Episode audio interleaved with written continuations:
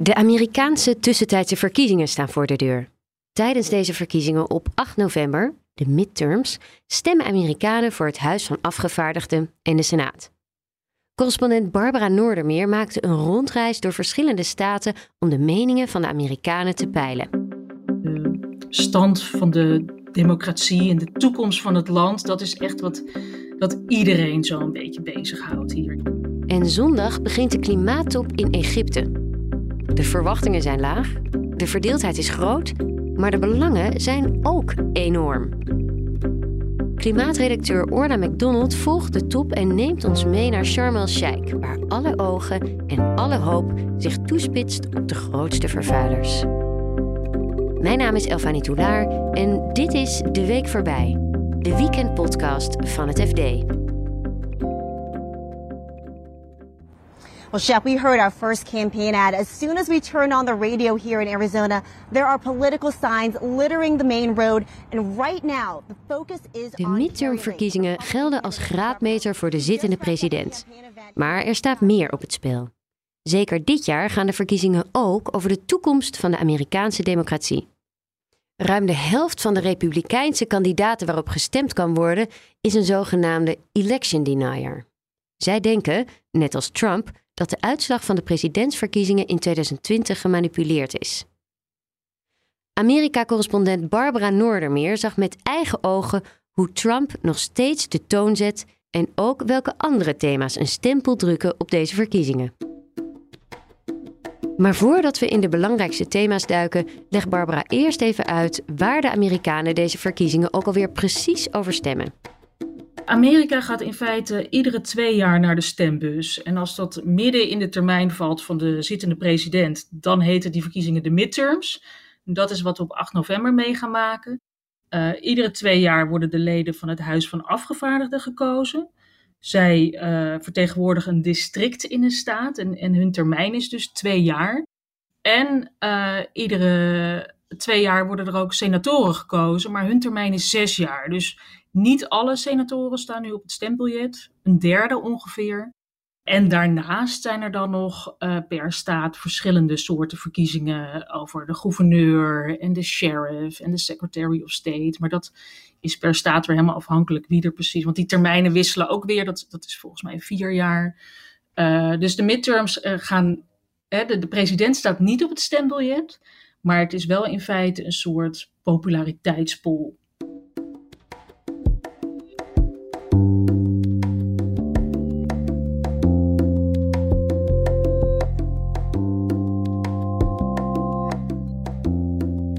En welke thema's eh, staan bovenaan dit jaar bij de midtermverkiezingen?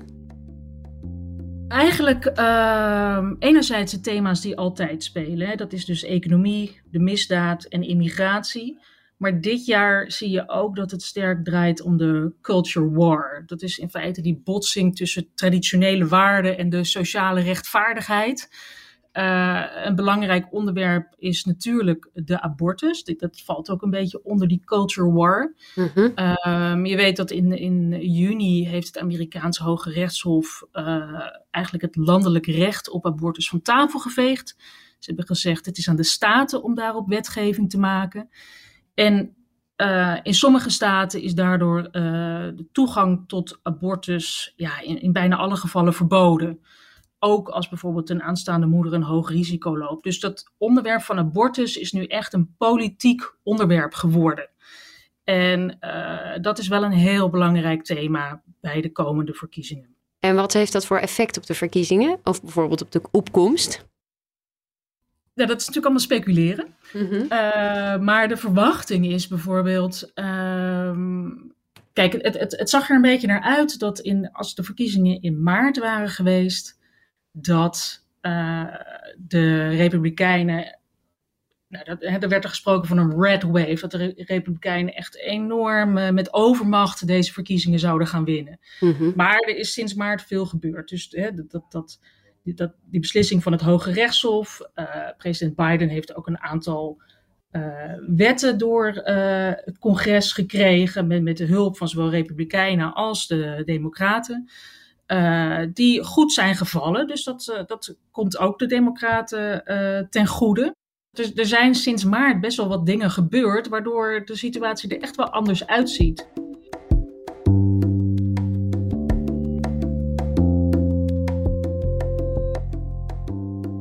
Ik heb net nog even naar de laatste tussenstand van de peilingen gekeken en de Republikeinen staan nog steeds wel op winst. Um, maar ja, we weten ook van peilingen dat het niet altijd klopt.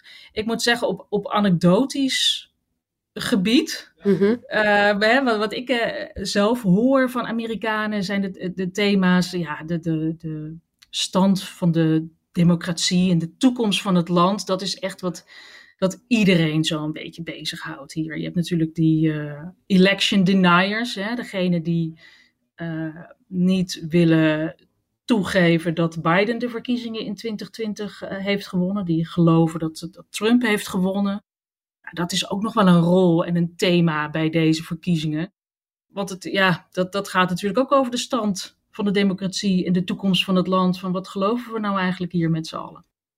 Zo zet Trump twee jaar na zijn aftreden dus nog steeds de toon in het Amerika van Biden.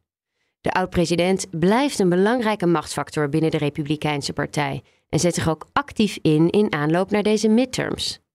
Onder andere in Texas, waar hij op Trumpiaanse wijze uithaalde naar de Democratische Partij. They're crushing your oil and gas jobs, imposing massive taxes and restrictions on the American energy production and population. They're destroying your jobs and destroying our country.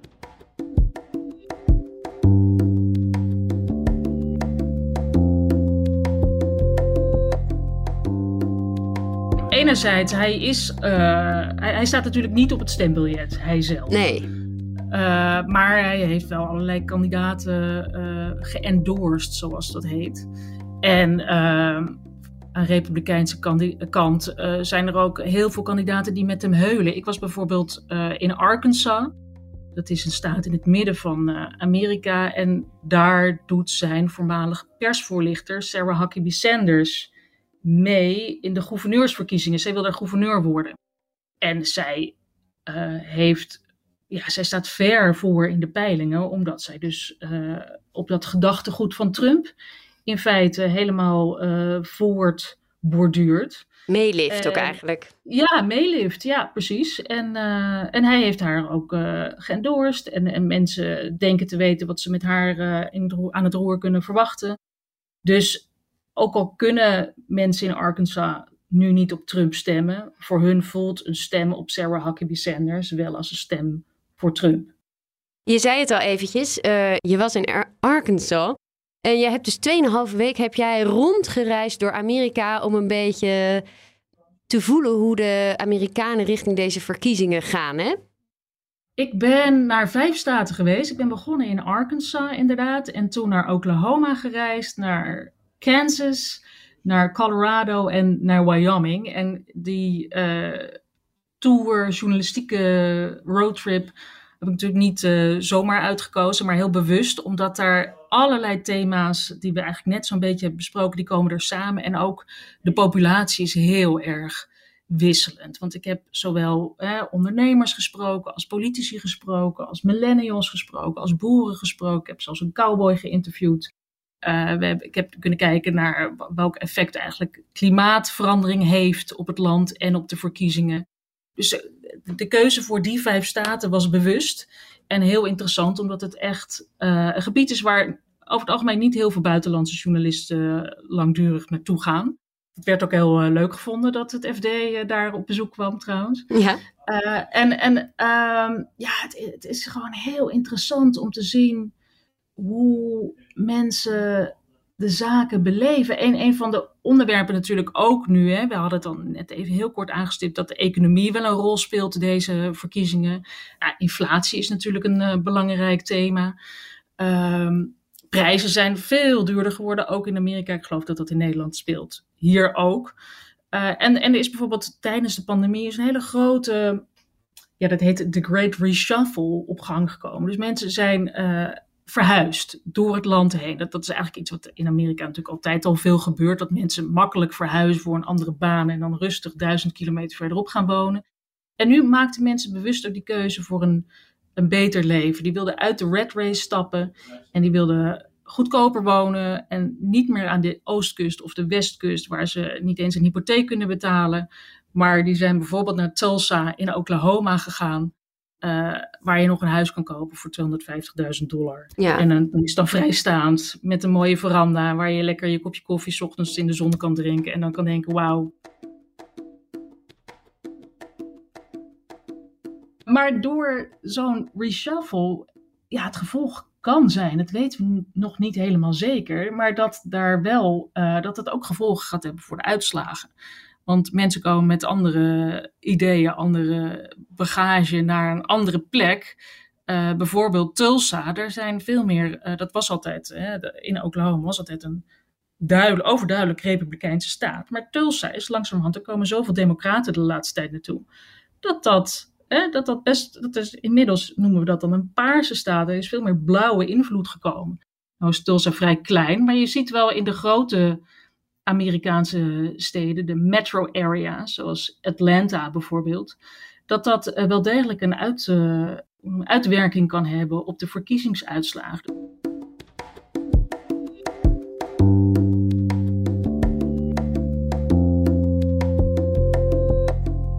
En na jouw reis, hè, nu, ben je nou um, positiever of negatiever gestemd over de staat van Amerika? Dat is een hele leuke vraag. Uh, want ik moet zeggen, ik, ik, ik, was zeker niet heel positief gestemd toen ik eraan begon.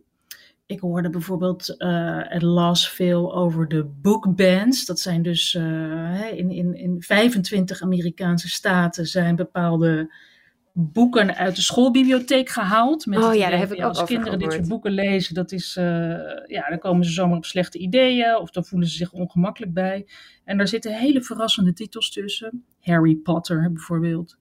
Het dagboek van Anne Frank is op sommige plekken ook uh, een verboden boek geworden. Nee. Uh, en ja, en Pulitzer Prize winnende boeken, To Kill a Mockingbird bijvoorbeeld. Maar heel even, dat, hoezo kun je Anne Frank verbieden? Wat, met welk argument? Ontluikende seksualiteit. Oh, jemig. Ja, blijkbaar uh, is, is, staat daar genoeg over uh, hoe zij als pubermeisje zichzelf uh, ziet ontwikkelen in dat dat iets is om dat boek te verbieden.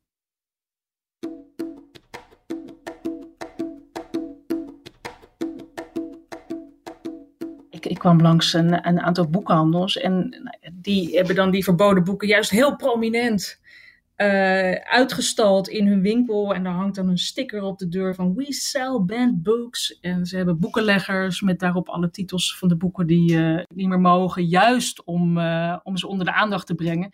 En die worden dan, die worden dan ook meer verkocht. Of lopen ze dan ook het, het risico op boetes, die um, boekhandels? Of valt nee, dat nog wel mee? Nee, zover is het uh, nog niet in ieder geval. Uh, het, het, zijn de schooldistricten die die boeken verbieden in de schoolbibliotheken. Maar het is niet dat dat staatsbreed al tot boetes of dergelijke kan leiden. Nee. Er verschijnen heel veel boeken momenteel ook over het verval van de democratie. En dat is natuurlijk zeker gaande. Uh, met die election deniers waar we het net al over hadden. En uh, het geweld van 6 januari uh, 2021, hier die kapitoolbestorming. En dat het, deze week was nog de man van Nancy Pelosi thuis aangevallen. Ja. nou ja, weet je, dat, en dat, dat wordt dan goed gepraat in sommige conservatieve hoeken, dat dat gebeurt. Weet je wel? Nou ja, dat is natuurlijk doodeng. En, uh, maar er is ook een andere kant. Weet je, er, er, wordt ook terug, dat wordt ook niet klakkeloos geaccepteerd door iedereen. Ook niet door alle republikeinen?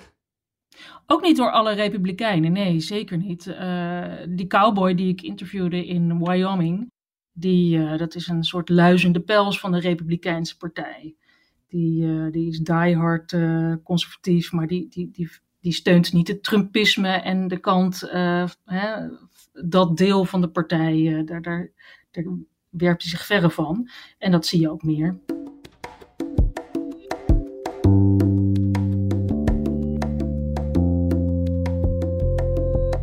Dinsdag zijn nu de uh, verkiezingen. Uh, hoe zal het met de opkomst gaan? De verwachting is bijvoorbeeld dat er uh, een soort ja, ander soort samenstelling zal zijn. Bijvoorbeeld, nou ja, dat abortusthema waar we, dat over, waar we het over hebben gehad, dat, dat raakt natuurlijk specifiek vrouwen in de vruchtbare leeftijd. En dat zijn eigenlijk de, degenen die over het algemeen niet zo actief stemmen in Amerika. En de verwachting is nu dat juist die groep vrouwen tussen de 18 en de 44 ja, massaal gaat stemmen. Uh, en dat zou mogelijk uh, een voordeeltje kunnen zijn voor de Democraten, want het zijn de conservatieven die de strenge abortusregels uh, maken en de Democraten die zijn meer voor soepelere abortusregels.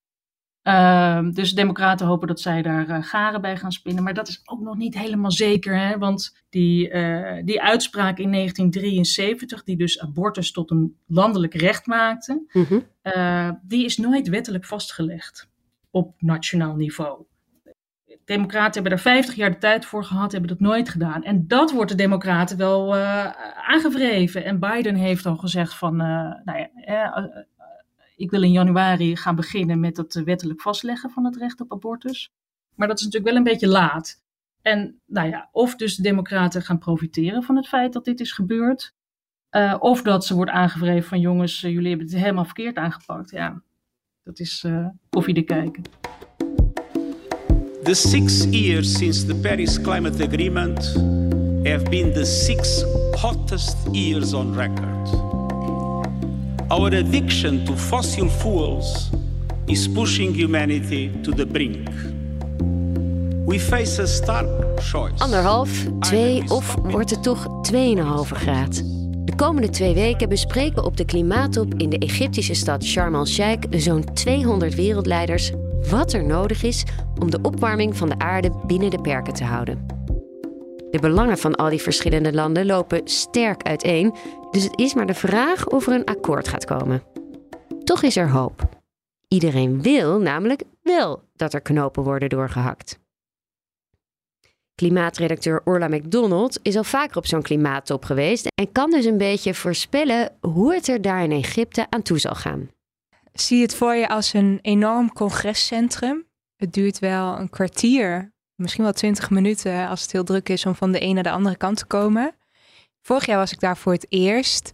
Toen was ik ook echt nog zoekende van wat, wat is dit in godsnaam? Toen was het dus in Glasgow. Ja, toen was het in Glasgow. Um, het is gewoon heel groot. Uh, de, het, het, wordt georganiseerd door de Verenigde Naties. Uh, 197 uh, landen komen daar met al hun ambtenaren, ministers, uh, het bedrijfsleven komt mee. Er zijn wel zo 40.000 mensen. Um, en er is een hoofdagenda, zeg maar. Um, het hoofddoel is, uh, we moeten de opwarming van de aarde beperken tot 2 graden, het liefst anderhalve graad. Dus dat is een duidelijk hoofddoel. Maar daaronder um, ja, zijn allerlei klimaatafspraken. Ook allerlei uh, landen die zich willen profileren op het een of het ander. Um, als journalist voor de eerste keer denk je echt, nou, dit is zo mega. Waar ga ik in? Waar ga ik beginnen? Ik verdrink. Ja. Want um, ja, alle landen willen zich profileren. En dan denk je, is dit nou eigenlijk echt een goede klimaatafspraak? Bijvoorbeeld uh, tegengaan van ontbossing. En dan lees je details en dan zie je, ja, oh ja, dat is pas over tien jaar dat ze daarmee beginnen. Um, moet je dat dan wel of niet brengen? Er is ook een gedeelte waar het bedrijfsleven is en wetenschappers en klimaatactivisten. Die kunnen daar allemaal hun, uh, ja, ofwel hun product promoten. Um, of nog een keer uitleggen waarom de ijskappen smelten. Dus daar kan je ook nog langs. Dus je, ja, je moet wel echt eventjes eigenlijk eerst een keertje één keer zijn geweest voordat je de tweede keer denkt: oké, okay, uh, nu uh, ga ik echt voor. Nu weet je waar je op je moet letten. Ja, precies. En waar let je dan op? Op wie? Op wie vooral? Ja, het is vooral uh, op wie je let. Um, nou, je let sowieso eigenlijk op de grootste uitstoters. Uh, dus uh, China, de VS, Europa, de, Europese Unie. en binnen de Europese Unie Frankrijk, Duitsland. De, op die landen let je vooral. Als zij iets aankondigen, dan legt het wel meer gewicht in de schaal. En verder let je gewoon heel erg op um, iets dat heet de G77. Uh, dat is anders dan de G20, zijn het uh, ontwikkelingslanden en kleine eilandstaten. En die hebben gewoon heel veel last van klimaatverandering. En dat laten ze ook altijd heel duidelijk merken. Dus um, daar let je ook op. Een belangrijk punt op de agenda dit jaar is of, en zo ja hoe, deze G77-landen gecompenseerd kunnen worden voor de klimaatschade waarmee ze te maken hebben. Ze willen hiervoor een schadevergoeding krijgen van landen die het meest vervuilen. Er was één meisje, Nisreen El Zeem uit uh, Sudan. Uh, zij is voorzitter van een Soedanese klimaatorganisatie. Zij wordt ook wel de Soedanese Greta Thunberg uh, genoemd. En zij vertelt wel van ja, uh, vroeger hadden we hier nog winters, in de zin van Afrikaanse winters, 10 graden ongeveer. Nu hebben we alleen nog maar koude dagen af en toe. Het is zo droog en als het niet droog is, dan regent het heel hard. En um, dan stroomt ons land weg. En dan hebben ze het met name over landbouwgrond, ja, waar veel mensen in die landen toch van moeten leven. Um, hun inkomsten vallen weg. Dat veroorzaakt criminaliteit, want die mensen trekken naar grote steden waar ook geen werk voor ze is. Ze raken lager aan wal. Dat soort verhalen hoor je heel veel terug van mensen die je daar, uh, ja, die daar, die daar wonen eigenlijk en, en die je dan spreekt. Dus soms, ik vind het soms als journalist ook wel lastig hoor, omdat je daar zelf zo weinig uh, komt. Dus je kan niet met eigen ogen zien of nou wat ze zeggen daadwerkelijk klopt en of niet meer factoren zijn die, die spelen. Maar ik denk dat het wel heel goed is om toch te proberen om wat meer bronnen daar vandaan uh, te spreken. Om daar een wat completer beeld te krijgen dan alleen maar het beeld van de Europese Unie en het Amerikaanse beeld over uh, de staat van het klimaat. En hoe gaan deze mensen die je sprak, hoe gaan zij kijken naar deze klimaattop? Nou ja, zij zijn dus allemaal groot voorstander van schadevergoeding. Um, zij willen dat de VS, maar ook de EU en dus ook Nederland uh, met geld over de brug komt. Um, voor ja, de overstromingen en de droogte die nu al uh, klimaatschade heeft aangericht of economische schade heeft aangericht. En waar de westerse landen de veroorzaker van zijn. Dus dat, zo zien zij dat. Ja, zij, zien, zij zeggen historisch gezien hebben jullie tot nu toe het meeste uitgestoten. Dus de klimaatverandering die nu plaatsvindt, uh, is jullie schuld. Schuld of niet, landen kunnen niet zomaar van alles beloven daar in Sharm el-Sheikh. Want natuurlijk is de politieke situatie thuis hierop van invloed. Dit jaar specifiek op de opstelling van Amerika. En nu heb je volgende week in uh, de VS ook nog de midtermverkiezingen. Ja. Heeft dat nog invloed dan ja, op hoe uh, zeker. John Kerry zich hier zal opstellen? Ja, dat heeft zeker invloed. Want bijvoorbeeld uh, Biden komt ook niet aan het begin van de klimaattop. Hij komt pas als die midterms uh, klaar zijn. Um, ja, en iedereen weet denk ik wel dat de Re Republikeinen gewoon wat minder met het klimaatbeleid hebben. Um, dus als de Republikeinen die midterms winnen, dan is Biden ook wat minder vrij om hele grote klimaattoezeggingen te doen. Dat, ja, zo is de werkelijkheid gewoon. Hij moet ook thuis uh, overal verantwoording voor krijgen en zijn wetten door, door de Senaat en door het congres en alles krijgen. Toch wordt de grote missie door alle deelnemers wel erkend. Want de hele wereld ziet de gevolgen van de klimaatverandering. Dus reist ook zelfs een Russische delegatie af naar Sharm el-Sheikh. Dat klinkt misschien wat gek, um, maar Rusland is gewoon lid van de Verenigde Naties.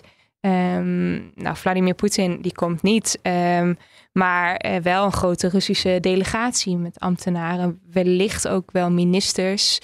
Uh, dus die zijn er gewoon en die onderhandelen ook gewoon mee. En dat geeft natuurlijk wel spanning, want ik hoor wel van bijvoorbeeld de, ook van de Nederlandse delegatie dat ze daar wel heen gaan met bepaalde restricties. Hè. Uh, onderhandel niet één op één uh, met de Russen. Uh, dienen de Russen een klimaatplan in, hoe goed ook. Dat, dan ondertekenen wij dat klimaatplan niet. Pas op bij wie je staat bij de koffieautomaat. Dat soort dingen worden wel meegegeven. Ga niet met ze op de foto. Uh, laten zij zich uit over de oorlog in Oekraïne op een verkeerde manier, een manier die ons niet aanstaat. loop dan weg. Dus dat soort spanningen zijn er ook allemaal. Dus ik, ja, ik ben nieuwsgierig hoe dat op zo'n top gaat. Ja, want tegelijkertijd kun je zeggen, ja, oorlog of niet, die problemen zijn wereldwijd natuurlijk. Dus ja, er moeten ook met de Russen op dit terrein afspraken gemaakt worden. Ja, en de Russen zeggen nog steeds dat ze het tegengaan van klimaatverandering heel belangrijk vinden. Maar ja, dat is denk ik ook wel een beetje een schijnwerkelijkheid hoor. Want uh, ze, zijn, ze zijn nog nooit echt met een grandioos klimaatplan gekomen, om zo maar te zeggen. Dus, uh, beetje voor de bühne misschien. Ja.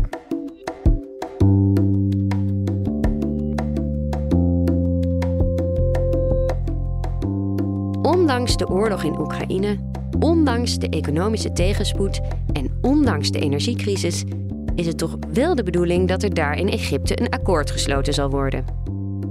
Of dat lukt, hangt af van talloze overleggen op het hoogste niveau. Die zullen tegen het einde van de top een climax bereiken.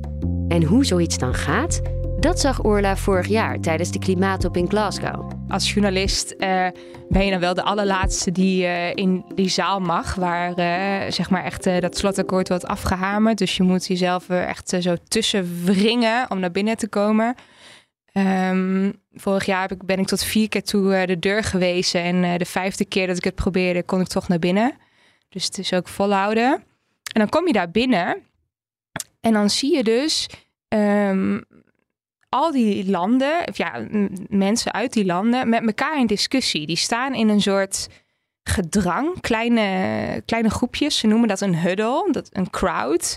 En die bespreken nog de laatste uh, details. En dat kan soms, kunnen dat echt wel essentiële details zijn. Vorig jaar bijvoorbeeld uh, stond uh, John Kerry, de klimaatgezant van de Verenigde Staten, samen met Um, de um, leider van de G77, van de, de, ja, de Organisatie voor Ontwikkelingslanden, zeg maar, en opkomende economieën, die hadden een hele felle discussie over um, uh, klimaatschadevergoeding. En um, als journalist kun je niet heel dicht bij zo'n huddle komen, maar ook niet heel ver ervan af. Het is eigenlijk een soort spelletje. Hoor je ze dan? Hoor je de stemmen in de verte? Daar? Nee, je hoort niet wat ze zeggen, maar je ziet dus wel heel duidelijk de emoties. Je ziet heel duidelijk zo'n voorzitter van de G77 ontzettend kwaad zijn over dat uh, dat geld niet loskomt. En je ziet John Kerry die de boel probeert te sussen en die maar keer op keer uit probeert te leggen van we kunnen dat geld echt niet geven. En dat duurt echt twee tot drie uur. Hè?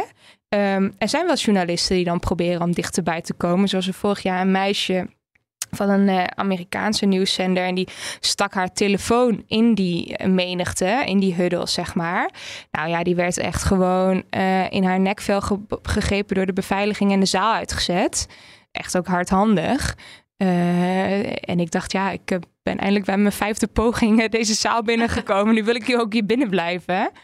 Um, dus je scharrelt een beetje eromheen en zo. En je probeert zo uh, ja, van mensen die dan uh, wel aan de zijkant staan te vragen van wat gebeurt er nou precies. En zo krijg je wel snippers van informatie en weet je waar het onderwerp over gaat.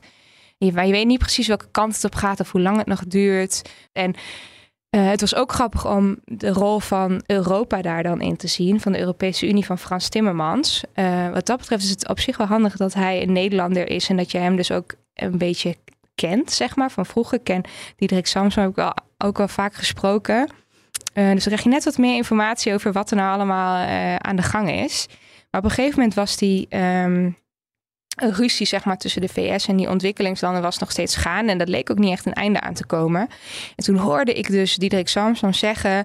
Uh, Frans, jij moet hier echt een einde aan maken. Het is nu klaar, we moeten door. En Frans Timmermans die zei van... ja, wat moet ik daar dan doen? Hoe kan ik dit dan oplossen? Ja, dus toen zag je ze echt in discussie met elkaar. En uiteindelijk werd er besloten van nou, eh, de EU gaat hier toch uh, proberen om hier um, een einde aan te maken. Nou, zodat we door kunnen, zodat die tekst afgehamerd kan worden. Want er staat meer op het spel. Er staat meer in zo'n tekst uh, dat je dan door wil laten gaan. het risico is, risico is ook dat als je zo'n discussie te lang laat doorduren, dat er dan landen zijn die zeggen we ondertekenen dit slotakkoord helemaal niet. En dan ja. ben je nog verder van huis. Um, nou ja, goed. Dus Frans Timmermans stond op van zijn uh, stoel. Het, is eh, echt wel een ja, gebouwde uh, man. Dat weet iedereen denk ik wel. En, en hij moet al zo'n menigte in. Um, dus dan hij drukt zo die mensen aan de kant en loopt helemaal naar het midden van die menigte. En iedereen had ook nog mondkapjes op. Dus het is helemaal warm in zo'n zaal. Um, en uh, ja, je ziet hem dan, uh, je hoort dus niet wat hij zegt, maar je ziet hem uh, overleggen met John Kerry. En ja, sussende gebaren maakt hij dan. En, en vijf minuten later was het ook klaar. Toen was die huddle klaar. Toen ging iedereen zitten. En toen begon het de volgende discussie. Of het dit jaar weer zo zal lopen, dat gaan we de komende twee weken meemaken. En Orla doet van de vorderingen verslag in de krant en in dagkoers. Dat was hem voor deze week. Dankjewel voor het luisteren. Vond je deze podcast leuk? Abonneer je dan vooral. Dat kun je doen door te zoeken op FD de Week voorbij, waar je dan ook naar podcast luistert. En delen met je vrienden. Dat helpt ons weer om beter gevonden te worden. Wil je reageren? Dat kan natuurlijk ook. Stuur een mailtje naar podcast.fd.nl en je kunt mij vinden op Twitter, Elfanie. Redactie van deze podcast was deze week in handen van Albert Wagenaar. En de muziek komt van Visionair Ordinaire. Een heel fijn weekend en tot volgende week.